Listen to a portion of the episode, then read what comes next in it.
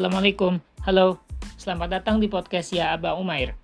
Ya Aba Umair adalah penggalan dari teks salah satu hadis Rasulullah Shallallahu Alaihi Wasallam. Lengkapnya adalah Ya Aba Umair ma fa'alan nughair. Atau Rasul Shallallahu Alaihi Wasallam. Hadisnya secara teks sangat singkat, tapi konteksnya itu sangat bermakna dan kita bisa menghabiskan sangat panjang waktu membicarakan pelajaran-pelajaran yang bisa kita dapat dari uh, hadis tersebut gitu baik terkait hukum-hukum fikih maupun terkait uh, etika dan ajaran-ajaran uh, moral dan perilaku gitu ya Rasulullah yang kita bisa contoh dari Rasulullah Shallallahu Alaihi Wasallam.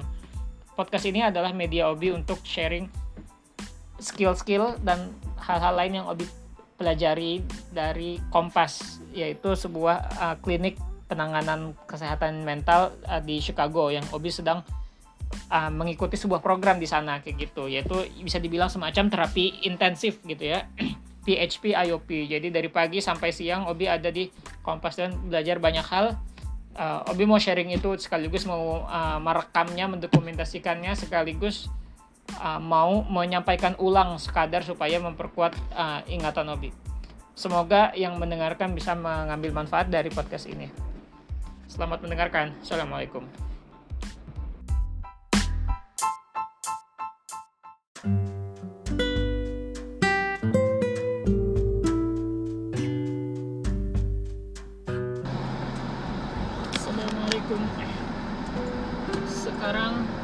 uh, episode kedua dari podcast ya. Atau HP IOP Journey episode yang ke-10 Insya Allah. Ya 10 kayaknya iya 10 karena ini siang siang makanya pagi-pagi berarti apanya benar um,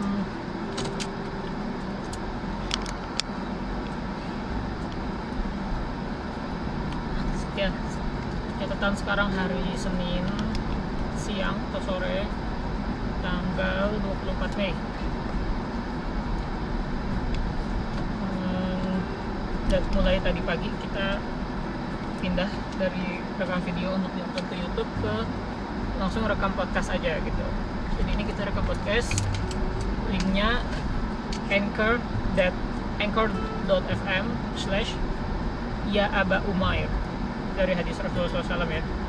Uh, ya Aba Umair ma fa'alan nughair jadi salah satu hadis yang di antara hadis pertama yang Obi uh, pelajari yang Obi dengar yang menggarisbawahi tentang uh, mental health kayak gitu memvalidasi uh, ya, emos emosi gitu ya. Bahwa manusia itu adalah uh, a creature of emotions juga gitu. Selain hal-hal yang lainnya. Dan bahkan Rasulullah pun punya amul huzn ya dalam sirah gitu. Dan, tapi ini nanti kita bisa kapan-kapan masuk ke hadis itu sendiri ya Abu Umair waktu itu pertama kali dengar dari Dr. Rania Awad di sebuah seminar tentang mental health di Northwestern yang diselenggarakan oleh Rohish Northwestern ya. Atau di sini disebutnya MSA atau MCSA biasanya MSA yaitu Muslim Student Association. Asosiasi uh, mahasiswa muslim gitu ya. Tapi kalau di Northwestern namanya MCSA Muslim Cultural Cultural Student Association. Nggak uh, pernah nanya juga apa alasannya dikasih nama seperti itu. Sepertinya itu untuk memvalidasi atau to call people in kayak gitu ya bukan to call people out. Jadi supaya uh, orang nggak mikir bahwa kalau masuk MSA itu berarti harus yang practicing muslim gitu tapi at least yang mereka yang mengidentifikasi diri sebagai ya punya punya heritage atau punya akar dalam uh, masyarakat muslim gitu. Misalnya dia nggak practicing tapi dia datang dari muslim mayoritas uh, negara muslim yang mayoritas muslim jadi mereka tetap merasa welcome mungkin. Oke kembali ke topiknya. Jadi insya Allah rencananya dari sekarang kita udah nggak ngomongin introduction udah ngomongin langsung ke topik-topik gitu. Jadi sudah dimulai dari uh, dari hari Jumat sore ya pekan lalu dan juga tadi Senin pagi yaitu ngomongin smarter goals yaitu materi yang paling akhir di sesi Jumat siang pekan lalu gitu. Hari ini ada smarter goals lagi gitu. Yang persis sama gitu. Memang memang itu uh, kenyataannya di Kompas gitu ya. Karena kita nggak nggak dikasih dan memang sepertinya mereka pun nggak punya semacam kurikulum dan jadwal gitu ya. Kayak apa istilahnya tuh kalau dulu di sekolahan uh, indikator kompetensi apa semacam itu gitu. Nggak jadi ada modulnya berbasis utamanya tiga ya DBT, CBT dan ACT uh, tapi ya itu cycle siklus aja kayak gitu. Jadi disampaikannya sik, sik, siklus. Jadi uh, akan ada yang berulang gitu. Karena kan orangnya pesertanya pasiennya keluar dan masuk gitu dan ya alhamdulillah sih uh, gue baru pertama kali tadi siang itu ngerasain ada materi yang diulang dan nggak ini juga nggak nggak merasa nggak berguna gitu. Karena tiap tiap terapis pun dia punya penafsiran punya elaborasi yang uh, nggak textbook nggak selalu sama semua kayak gitu. Jadi uh, memperkaya gitulah pemahaman kita gitu. Ngasih contoh lain atau semacamnya. Uh, jadi ada beberapa kelas hari ini. Pertama adalah tentang anger sama terapis namanya John. Waktu itu dia juga orang apa terapis yang pertama kali lebih masuk kelasnya. Waktu baru mulai banget. Waktu baru mulai banget itu materi pertama yang sama John kita pelajari adalah tentang blame gitu. Dari perspektif uh, eh, CBT nah sekarang sama tentang kita belajar tentang fokus satu emosi juga gitu yaitu anger atau marah gitu. Kalau blame itu kan menyalahkan ya. Bisa menyalahkan diri sendiri bisa menyalahkan orang. Nah kalau yang tadi pagi itu paling pertama adalah anger ya, atau marah gitu. Nanti pokoknya dikupas lah tentang itu dan di uh, dipandu dibantu untuk kita me, jadi banyak prakteknya itu di kelas tuh banyak bentuknya adalah ini uh, mengeksternalisasi gitu ya. Bukan menginternalisasi tapi mengeksternalisasi uh, proses berpikir kita gitu ya itu ditulis. Jadi ada kayak semacam kolom-kolom ada pertanyaan panduannya. Terus yaudah kita sama sama jawab bareng-bareng gitu. Jadi di, di papan tulis gitu. Tiap orang nambahin. Dan ya kita juga mau nulis mau nyatat semuanya atau mau nyatat yang terkait diri kita doang juga bisa gitu. Gitu. Jadi itu paling pertama materinya tentang anger atau marah. Kedua materinya tentang uh, grounding. Kalau anger ini dia perspektif CBT tadi udah dijelaskan gitu ya. Jadi untuk memproses pola-pola pikir kita. Uh, terus by the way CBT ini ini ya uh, jadi dia menunjukkan keterhubungan gitu ya kesinambungan antara kalau, kalau dari teksnya CBT itu empat. Yaitu pikiran kita emosi kita perilaku kita sama apa ya pikiran emosi perilaku. Oh lupa satu lagi. Nah itu itu langsung mengingatkan Obi pada salah satu materi tazkiyatun nafs Obi lupa. Dari dari buku karangan siapa apakah Said Kutub atau Ibnul Qayyim al Jauziyah kayaknya antara dua itu gitu. Yang yang singkat Obi sih itu ini ya asar dari dari uh, Salam Saleh Ibnu Qayyim atau ya ulama uh, Said Kutub uh, tentang uh, ini apa bahwa be careful apa hati-hati tentang apa yang terlintas di pikiran kita. Karena itu kemudian bisa menjadi sebuah pemikiran. Terus hati-hati dengan pemikiran kita karena itu bisa menjadi apa uh, perilaku lalu bisa jadi kebiasaan lalu bisa jadi karakter kayak gitulah gitu nah. CBT perspektifnya mirip banget sebenarnya kayak gitu. Jadi um, pola pikir kita itu mempengaruhi tindakan-tindakan kita kayak gitu ya kan? Jadi ketika kita punya tindakan-tindakan negatif ada ada faktor penyebabnya adalah pola-pola pikir kita negatif kayak gitu. Nah tapi untuk uh, merubah pola-pola pikir negatif itu sendiri gitu itu kita juga bisa melakukannya melalui merubah tindakan-tindakan kita gitu. Karena uh, emosi atau pikiran kita mempengaruhi tindakan-tindakan kita tapi tindakan-tindakan kita juga mempengaruhi emosi dan pemikiran kita gitu kan uh, contoh klasiknya adalah ini ya. Katanya kalau mau happy coba tersenyum gitu. Laku lakukan secara fisik walaupun kita lagi emosi marah kesel senyum. Itu tuh dapat membantu untuk uh, emosi kitanya sendiri pun bisa berubah kayak gitu gitu. Uh, sekilas tentang CBT jadi anger itu materi CBT terus kemudian ada materi ini materi DBT itu uh, grounding. Grounding itu materi DBT kita lihat. Contekan dikit.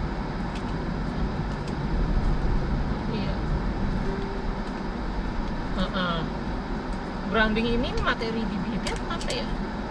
Kayaknya tadi nggak disebut juga ya materinya bagian dari mana? Kayaknya DBT deh. Bagian dari uh, distress tolerance gitu. Jadi waktu jadi berarti ini dengan DBT ini oh, oh iya benar juga. Iya ya benar. Terus, berarti ini DBT Obi udah belajar semua sekalinya udah satu, satu kali satu kali semua empat modulnya. DBT yang pertama kali Obi belajar adalah distress tolerance atau bagaimana mentolerir mentolerir uh, ketidaknyamanan gitu ya. Rasa sakit, rasa marah dan lain-lain gitu. Atau itu terus kedua adalah mindfulness gitu. Mindfulness atau uh, kata lainnya adalah uh, apa ya kayak semacam be in the moment gitu kayak uh, kita mengambil perspektif yang objektif terhadap pikiran-pikiran kita dan sebagainya gitu. Itu mindfulness. Uh, terus nah distress tolerance dan mindfulness ini dua-duanya adalah modul yang uh, arahnya itu adalah ke acceptance atau penerimaan kayak gitu. Jadi kita harus kona'ah harus ridho dulu gitu terhadap situasi yang uh, terjadi pada kita kita alami gitu ya. Karena DBT itu pada dasarnya adalah uh, ini apa mendamaikan gitu ya. Nggak mendamaikan juga sih tapi mengakui keberadaan dua kenyataan yang seperti bertolak belakang seolah bertolak belakang kayak gitu. Uh, jadi dan terutama uh, tensi pertentangan itu adalah antara penerimaan dan perubahan acceptance and change gitu. Nah um, distress tolerance atau bagaimana mentolerir uh, ketidaknyamanan dan juga mindfulness gitu ya uh, atau fokus atau khusyuk gitu itu adalah bagian dari acceptance kayak gitu kan. Nah terus dua lagi adalah bagian dari change yaitu interpersonal effectiveness itu bagaimana kita uh, berinteraksi dengan orang-orang lain itu secara efektif kayak gitu. Kita dapat apa yang kita mau kita menjaga kalau itu sebuah hubungan yang baik supaya tetap uh, baik dan sebagainya lah gitu. Uh, itu interpersonal effectiveness sama emotional regulation. Nah emotional regulation ini yang tadi Obi pelajari di uh, barusan gitu sebelum pulang di, di kelas hari Senin siang ini gitu. Cuman nanti kita masuk ke sananya. Mungkin besok pagi baru Obi bahas tentang emotional regulationsnya.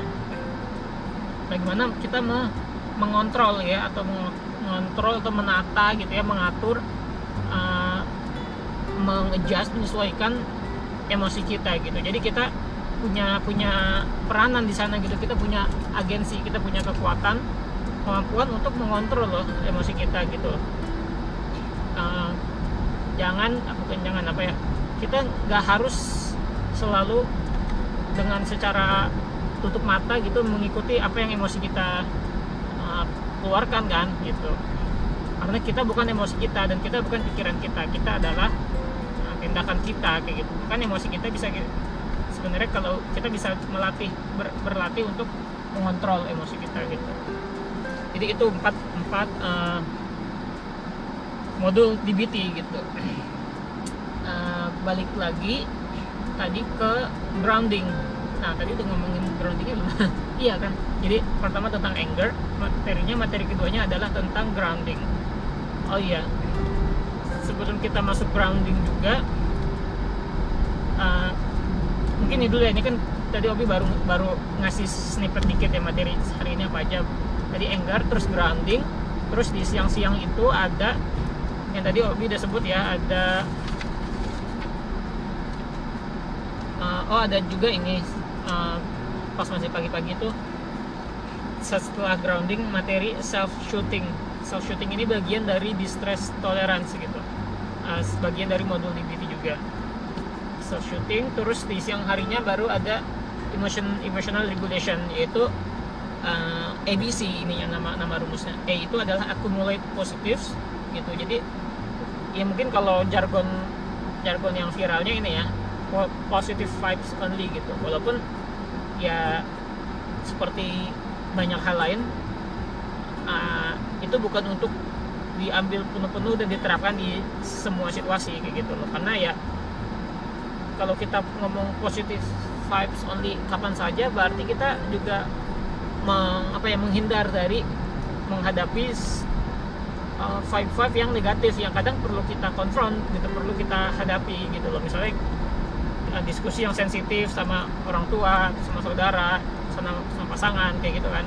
Kalau kita ngomong positive vibes only berarti jadinya kayak di di apa ya dikubur terus misalnya gitu segala kayak komplain kita unek-unek kita dan itu kan nggak bagus. Suatu saat bisa uh, meledak kayak gitu. Kayak uh, bayangin misalnya ada sebuah bola bola bola pantai besar gitu uh, mengapung di air laut gitu ya.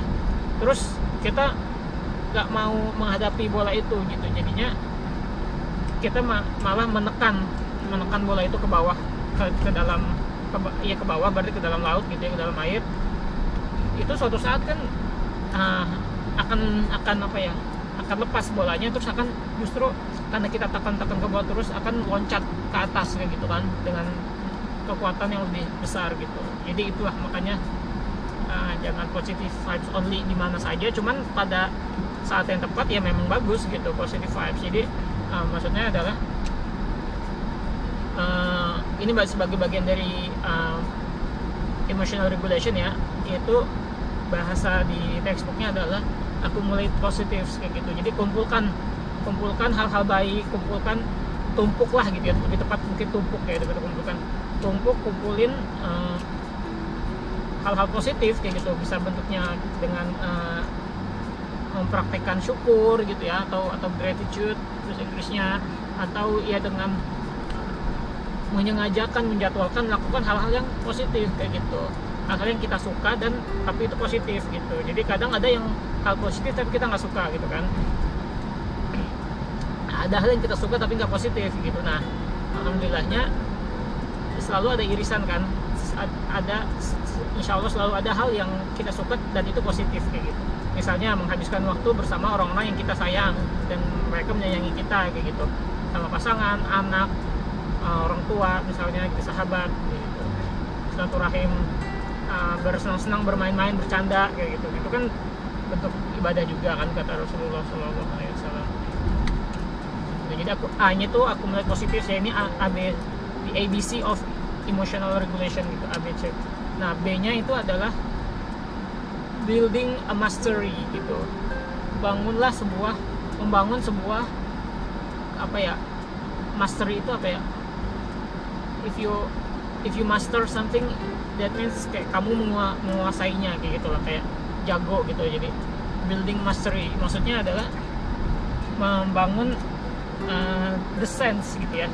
Membangun rasa rasa kemampuan gitu. Jadi kita menghilangkan diri dari perasaan-perasaan yang apa ya hopeless kita nggak punya harapan kita nggak bisa apa-apa kayak gitu. Ada cara-caranya gitu building membuat membangun perasaan bahwa kita mampu kita bisa melakukan sesuatu kita bisa buat perubahan terhadap diri kita dan seterusnya. Jadi itu A nya accumulate positif B nya adalah building mastery C nya C nya adalah cope ahead gitu. Jadi cope itu kan coping ya coping skill atau coping mechanism. Kayak cara-cara kita merespon atau mengatasi situasi-situasi yang kita nggak suka yang kita negatif gitu hope ahead itu adalah maksudnya merencanakan bagaimana kita akan menghadapi sebuah situasi atau situasi-situasi yang tidak suka ya kita tidak suka gitu. Uh, oh ya mudah-mudahan nanti ingat pulangnya jangan langsung ke rumah tapi ke bank dulu ngambil uang. Nah, jadi kalau mudah-mudahan dengan lebih bilang itu jadi ingat gitu tadi tidak barusan ngecek uh, ingatin nah untuk untuk bayar bakso dan kita bayarnya di hari Senin gitu untuk sepekan ke depan. Jadi kan kalau kata Rasulullah bayarlah upah sebelum keringatnya kering gitu ya. Ya insya Allah kita bayar bahkan sebelum keringatnya keluar kayak gitu. Yang kalau hari Senin berarti keringatnya udah keluar tapi setelah sampai Jumat kan belum kita bayar duluan aja. Gitu. Ehm, terus balik lagi tadi C-nya coping ahead gitu. Jadi kita merencanakan bagaimana kita akan merespon sesuatu yang kita uh, tidak suka. Jadi kita melatih gitu ya sampai kalau kita sampai ke sebuah situasi itu kita nggak nggak panik nggak kayak refleks kayak gitu. Tapi kita oh aku udah latihan. Aku bisa melakukan ini kayak gitu. Hal-hal tertentu cara kita mengatasi dengan yang positif gitu. Jadi itu coping mechanisms eh coping mechanism cope ahead ya. Cope ahead ABC of emotional regulation. Terus ya udah ditutup dengan tentang smarter goals lagi gitu tapi kita mau fokus hari ini tentang um, anger dan uh, grounding ya nanti besok pagi insya Allah tentang emotional regulation tentang oh mungkin tentang emotional regulation mungkin self shooting juga dioper ke nanti pagi kalau sore siang ini nggak tercover gitu. Nah tapi sebelum masuk ke anger ada tambahan satu lagi yaitu tiap pagi-pagi itu kan ini jadi pertama kali begitu kita sampai adalah check in kan check in kayak mood mood ratingnya berapa dari 0 sampai 100 terus apa pencapaian atau habis mempraktekkan skill apa kayak gitu dari kemarin gitu ya. Terus apa yang sedang apa ya yang sedang dihadapi sekarang gitu apa kesulitan atau apa uh, problem apa yang sedang kita hadapi yang sedang berusaha kita atasi kayak gitu kayak gitu gitu check in. Terus habis itu break ya biasanya break terus dimulai dengan mindfulness session kayak gitu. Habis itu baru masuk ke kelas yang itu yang kelas anger tadi. Nah jadi ternyata kan tapi ini baru pekan kedua ya di sini. Jadi ternyata uh, polanya adalah tiap pekan itu uh, modul mindfulnessnya beda-beda kayak gitu. Jadi Obi emang ingat dari kemarin tuh Senin sampai Kamis itu mindfulnessnya itu sama semua tuh itunya. Apa ya kayak prom kayak uh, tuntunannya tuntunan mindfulness medita meditation yang tuntunan meditasinya gitu.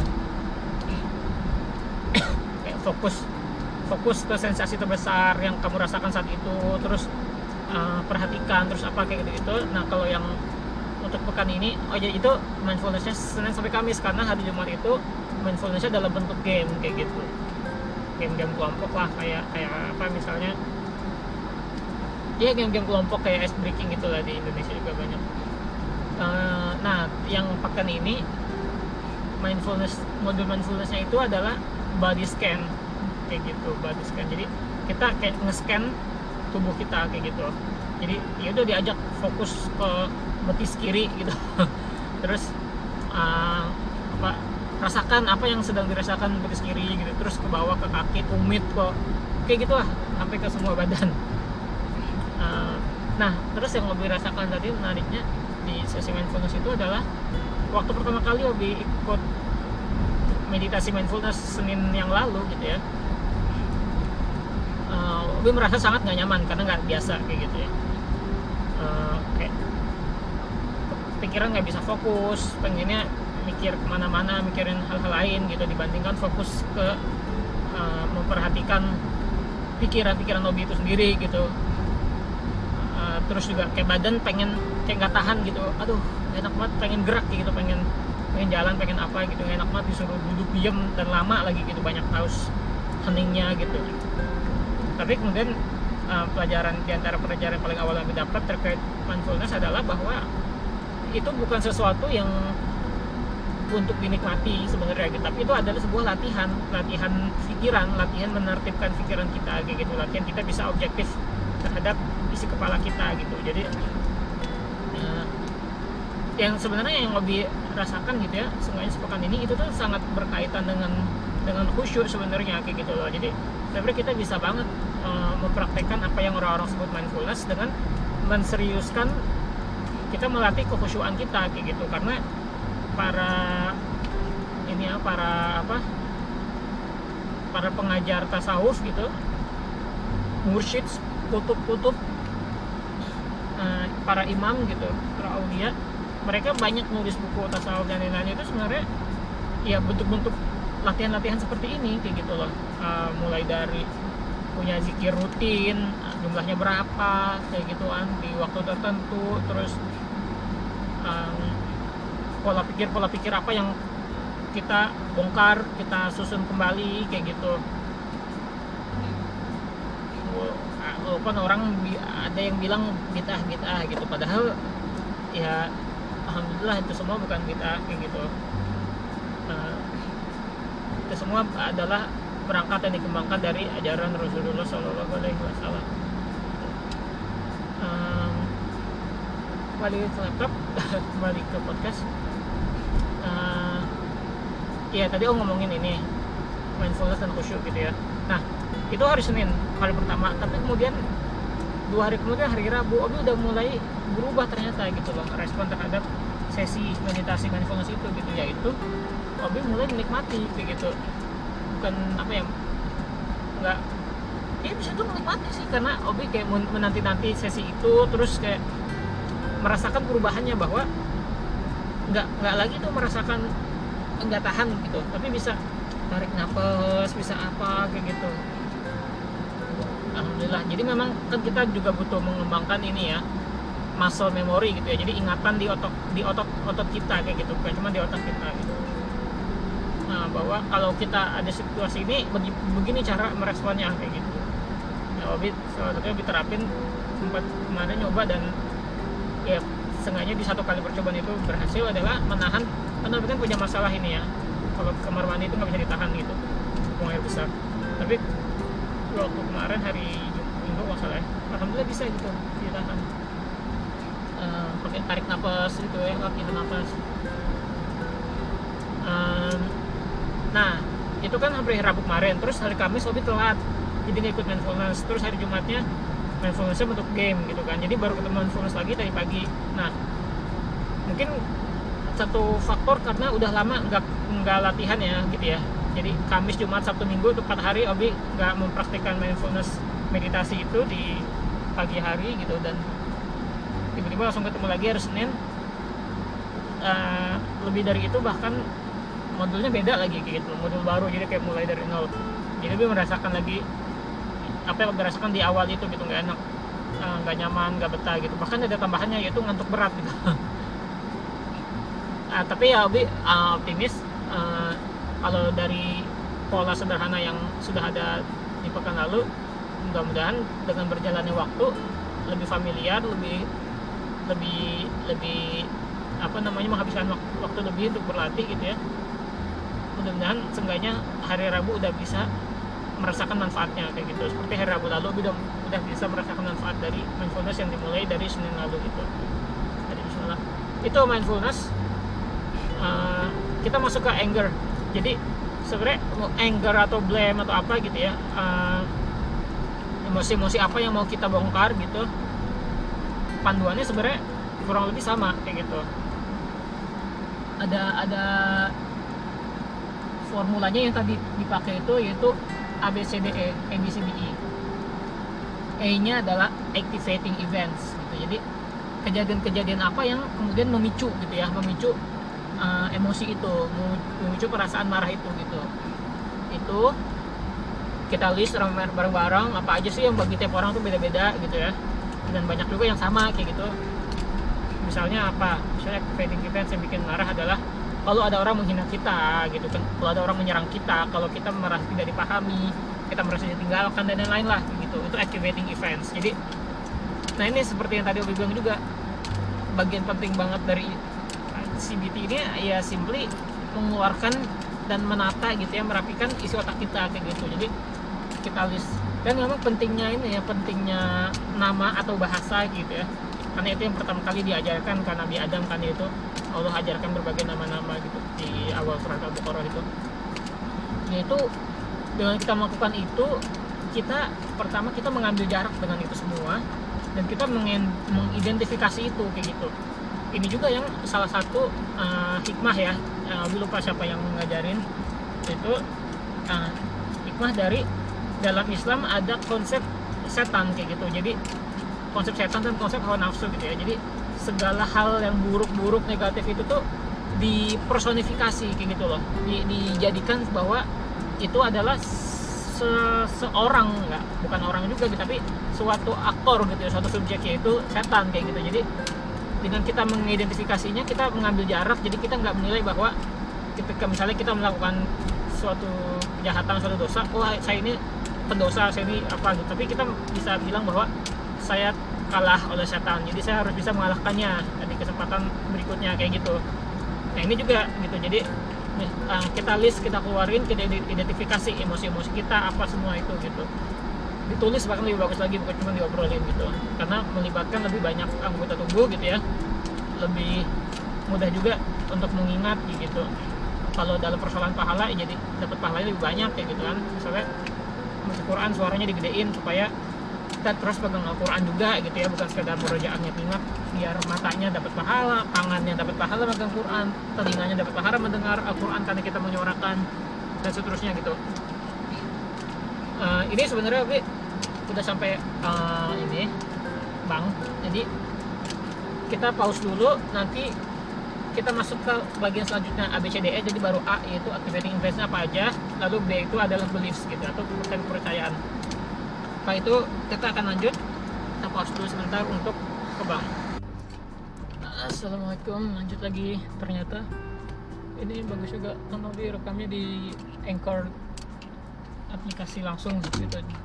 Dia bisa cuman ngepause ternyata gitu. Jadi nggak bikin file recording baru. Itu terus juga baru tahu ternyata uh, ngambil uang di bank di teller uh, bisa pakai ini pakai apa namanya KTP atau SIM state ID gitu ya atau driving license doang. Nah tadi Obi lupa uh, bawa debit card. Kemudian baru nyadar debit cardnya udah di mobil bukan di rumah. Jadi seperti tadi bisa diambil. Cuman ternyata ya kalau kita lupa bawa debit card kan kalau pakai kredit card itu ada ininya ada ada apa sih? Ada fee-nya gitu. Jadi kalau mau ngambil nggak pakai fee ya pakai debit card. Nah jika debit card ketinggalan debit card ketinggalan bisa pakai uh, state ID itu terus dikonfirmasi nomor HP-nya terus masukin ini kita apa namanya pin nomor pin kita sama tanda tangan deh bisa gitu. Oke tadi kita uh, berhenti lagi ngomongin A gitu activating events gitu. Jadi ketika kita lagi mau memproses suatu suatu emosi gitu ya membongkar suatu emosi ada panduannya A B C D E gitu. Pertama A activating eventsnya apa aja sih gitu loh? Kejadian-kejadian seperti apa yang memancing kita punya pra, muncul perasaan itu gitu. Marah atau rasa menyalahkan atau apa pun lah uh, tadi kita udah identifikasi contoh-contoh activating eventsnya kayak gitu ya. Misalnya ada orang menghina kita atau kita merasa dikhianati dan sebagainya gitu. Contoh contoh aja. Terus B adalah beliefs kayak gitu. Jadi kepercayaan-kepercayaan yang muncul gitu ya. Atau pikiran-pikiran yang muncul uh, di diri kita ketika ada activating events itu gitu. Ketika ada suatu ada kejadian yang memancing marah gitu ya apa yang kemudian pikiran-pikiran yang muncul di kepala kita kayak gitu. Misalnya contohnya adalah uh, aku aku benar dia salah kayak gitu. Contohnya itu. Atau misalnya uh, dia harus dihukum kayak gitu. Atau contoh lainnya apa yang aku lakukan sampai aku uh, mengalami ini kayak gitu. Bertanya-tanya ke diri sendiri gitu. Atau contoh lain apa lagi ya? Uh, contoh lain apa yang kita rasakan ketika kita marah? Uh, karena di di kelas-kelas pengantar psikologi itu biasa digambarkan bahwa marah itu adalah puncak gunung es kayak gitu. Yang sebenarnya yang bagian lebih besar lebih besar daripada marahnya itu sendiri adalah berbagai perasaan-perasaan lain kayak gitu. Walaupun bisa jadi juga bahwa marah itu ya karena memang marah itu sendiri kayak gitu. Bukan marah karena sedih atau marah karena kecewa gitu. Gitu. Jadi kita identifikasi apa sih perasaan-perasaan yang sebenarnya kita apa ya kita sembunyikan atau kita tutupi uh, dengan uh, perasaan marah kayak gitu. Jadi itu beliefsnya kayak gitu ya. Misalnya tadi kalau yang aku benar dia salah itu kan uh, righteousness ya self righteousness righteousness kayak merasa apa ya holier than thou gitu kayak aku lebih baik dari kamu kayak gitu. Jadi ketika orang bikin kita marah kita itu karena kita merasa dia itu salah kayak gitu loh melakukan kesalahan kayak gitu. Sehingga kita marah gitu menyalahkan kita atau menyalahkan uh, peraturan gitu ya atau ajaran Allah dan lain-lain atau perintah Allah dan lain-lain itu beliefs terus C C nya adalah apa? C nya adalah consequences kayak gitu. Konsekuensi apa konsekuensi? Konsekuensi dalam hal emosi dan konsekuensi dalam hal tindakan dari uh, kemarahan itu gitu dari perasaan-perasaan yang muncul karena kita marah tadi. Contohnya apa? Misalnya contohnya adalah uh, kita jadi merasa uh, merasa panik kita jadi merasa uh, malu gitu ya kita jadi merasa tidak tidak berharga dan lain-lain. Itu emosi-emosi konsekuensi-konsekuensi emosi. Ada juga konsekuensi-konsekuensi tindakan gitu ya. Apa? Misalnya mengamuk gitu kan? Atau misalnya uh, ngediemin orang gitu kan? Itu tindakan-tindakan yang bisa jadi konsekuensi dari perasaan marah. Nah kemudian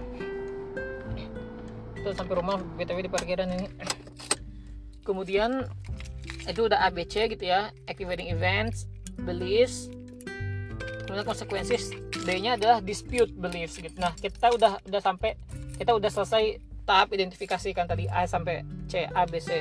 Nah, kemudian tahap selanjutnya adalah dispute. Coba kita kita pertanyakan gitu ya. Kita kita pertanyakan, kita tantang, kita lawan beliefs-beliefs itu atau pemikiran-pikiran yang otomatis sampai ke kita itu kayak gitu. Kita kasih pikiran-pikiran alternatif kayak gitu. Misalnya tadi uh, kita misalnya marah karena contohnya adalah uh, ada orang meng, uh, menggunakan sebuah pilihan kata yang itu menghina kita kayak gitu. Ya atau dia menstereotip kita kayak gitu. Misalnya oh muslim teroris gitu. Atau ya semacam itulah gitu. Terus nah cara cara kita untuk ini untuk ini ya untuk mengontrol marah untuk menunda marah atau untuk me, me, membuat kita bisa melakukan uh, respon lain yang bukan dalam bentuk marah kayak gitu.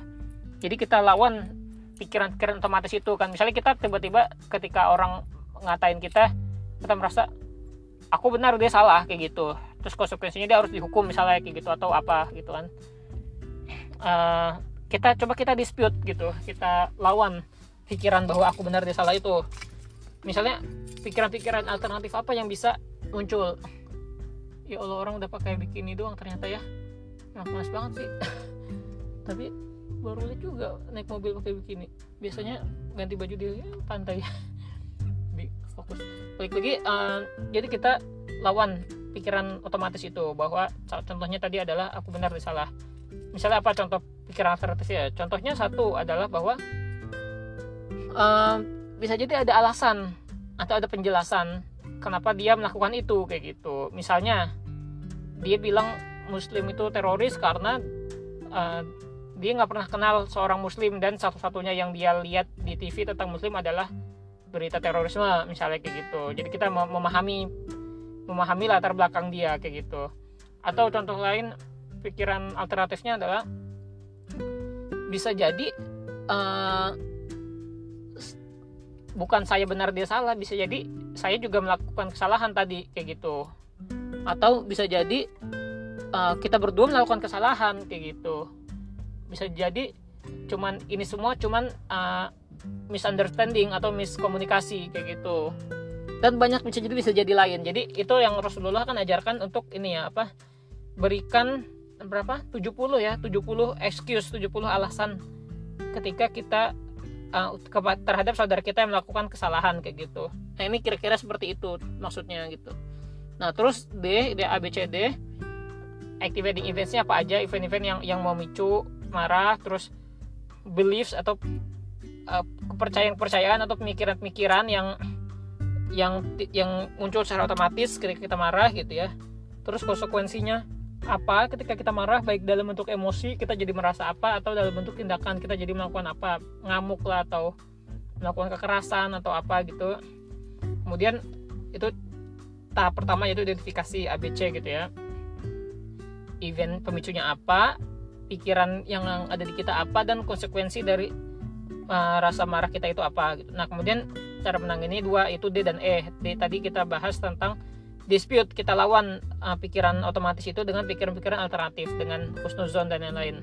Nah, kemudian E-nya adalah effects kayak gitu. Efeknya apa? Dengan kita kalau kita berhasil uh, melakukan penanganan tahap satu tadi yaitu melawan pikiran-pikiran otomatis dan menghadirkan pikiran eh, mengawar melawan pikiran-pikiran otomatis dan menghadirkan pikiran-pikiran alternatif. Efeknya apa? Efek positif maksudnya gitu ya.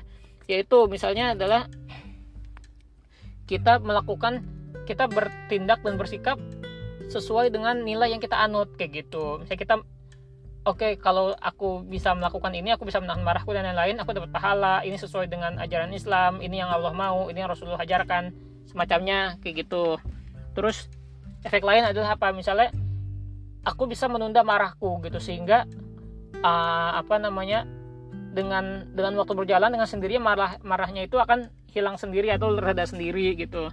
Atau uh, dengan aku berhasil me, apa me, melawan pikiran otomatis yang negatif dan menghadirkan pikiran alternatif yang positif gitu aku jadi bisa menghasilkan solusi kayak gitu loh. Nggak nggak cuman uh, refleks marah doang kayak gitu. Jadi kita juga identifikasi apa efek positifnya gitu supaya kita juga jadi yakin bahwa ini uh, bermanfaat ini akan membantu kita kayak gitu. Nah dan kita juga dapat reward dari melakukan ini. Karena ini kan sesuatu yang harus dengan sengaja kita praktekkan gitu kan. Karena refleks awal kita biasanya adalah marah ya udah emosi refleks melakukan sesuatu yang biasa kita lakukan gitu. Gitu. Jadi uh, ya salah satu ini ya apa salah satu quote yang yang sering disampaikan adalah um, help your future self gitu. Jadi bantulah dirimu di masa depan kayak gitu. Jadi mencegah konsekuensi-konsekuensi negatif di masa depan kayak gitu. Jangan bertindak impulsif karena emosi kemudian marah dan lain-lain gitu. Salah satu ini gitu. Kita kita kita identifikasi kalau kita bisa menahan marah, kita bisa mengontrol, kita identifikasi apa-apa terkait marah itu dan kemudian kita tangani dengan baik.